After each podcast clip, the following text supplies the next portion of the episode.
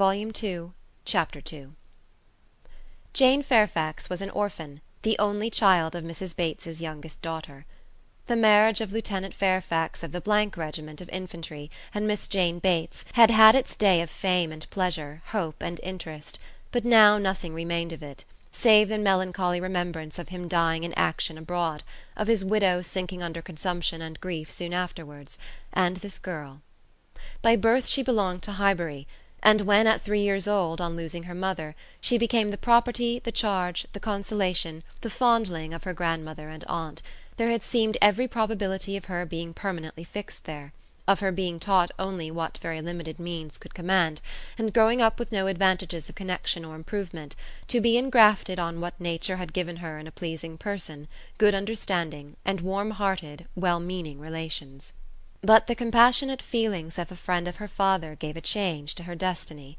This was Colonel Campbell, who had very highly regarded Fairfax, as an excellent officer and most deserving young man; and farther, had been indebted to him for such attentions, during a severe camp fever, as he believed had saved his life.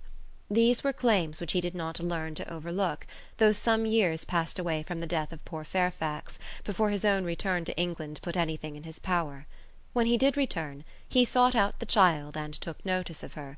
He was a married man with only one living child, a girl about Jane's age; and Jane became their guest, paying them long visits and growing a favourite with all; and before she was nine years old, his daughter's great fondness for her, and his own wish of being a real friend, united to produce an offer from Colonel Campbell of undertaking the whole charge of her education.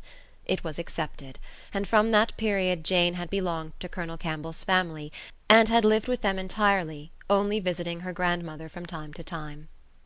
The plan was that she should be brought up for educating others, the very few hundred pounds which she inherited from her father making independence impossible. To provide for her otherwise was out of Colonel Campbell's power; for though his income, by pay and appointments, was handsome, his fortune was moderate and must be all his daughter's. But by giving her an education he hoped to be supplying the means of respectable subsistence hereafter. Such was Jane Fairfax's history. She had fallen into good hands, known nothing but kindness from the Campbells, and been given an excellent education. Living constantly with right minded and well informed people, her heart and understanding had received every advantage of discipline and culture and Colonel Campbell's residence being in London, every lighter talent had been done full justice to, by the attendance of first rate masters. Her disposition and abilities were equally worthy of all that friendship could do, and at eighteen or nineteen she was, as far as such an early age can be qualified for the care of children, fully competent to the office of instruction herself; but she was too much beloved to be parted with. Neither father nor mother could promote, and the daughter could not endure it. The evil day was put off it was easy to decide that she was still too young; and Jane remained with them, sharing, as another daughter, in all the rational pleasures of an elegant society and a judicious mixture of home and amusement, with only the drawback of the future, the sobering suggestions of her own good understanding, to remind her that all this might soon be over. The affection of the whole family, the warm attachment of Miss Campbell in particular, was the more honourable to each party from the circumstance of Jane's decided superiority, both in beauty and acquirements. That nature had given it in feature could not be unseen by the young woman, nor could her higher powers of mind be unfelt by the parents.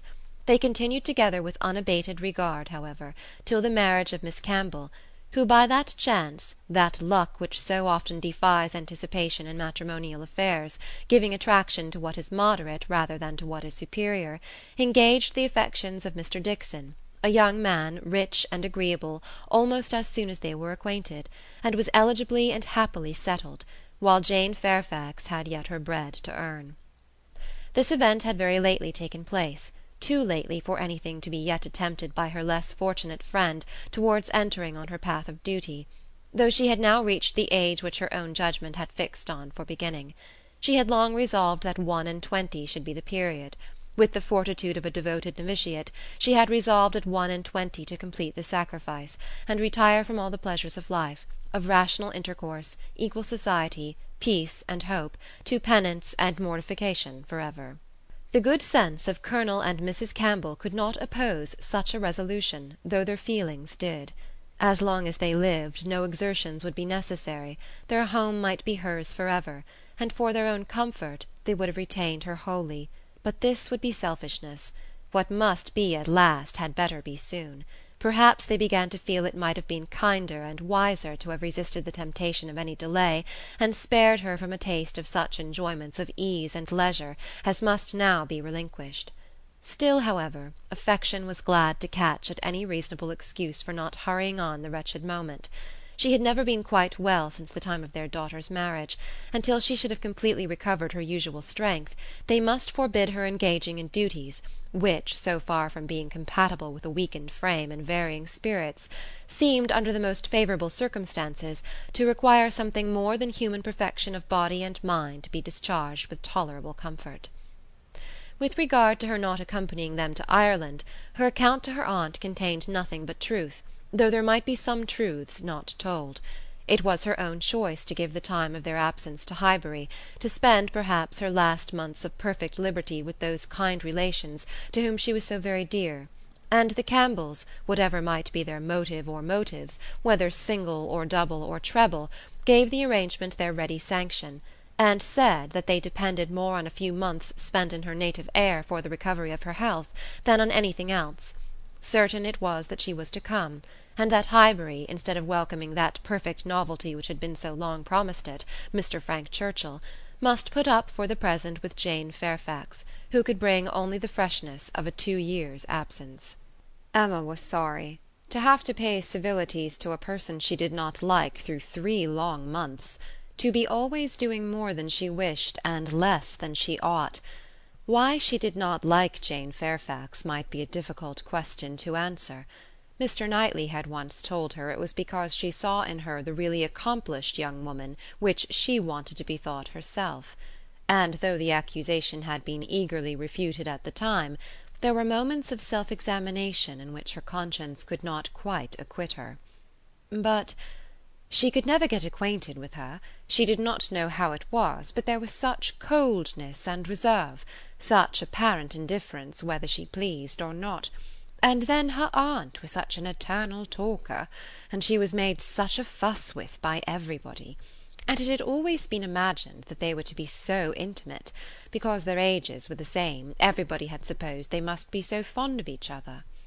These were her reasons; she had no better. It was a dislike so little just, every imputed fault was so magnified by fancy, that she never saw Jane Fairfax the first time after any considerable absence without feeling that she had injured her; and now when the due visit was paid, on her arrival, after a two years' interval, she was particularly struck with the very appearance and manners which for those two whole years she had been depreciating.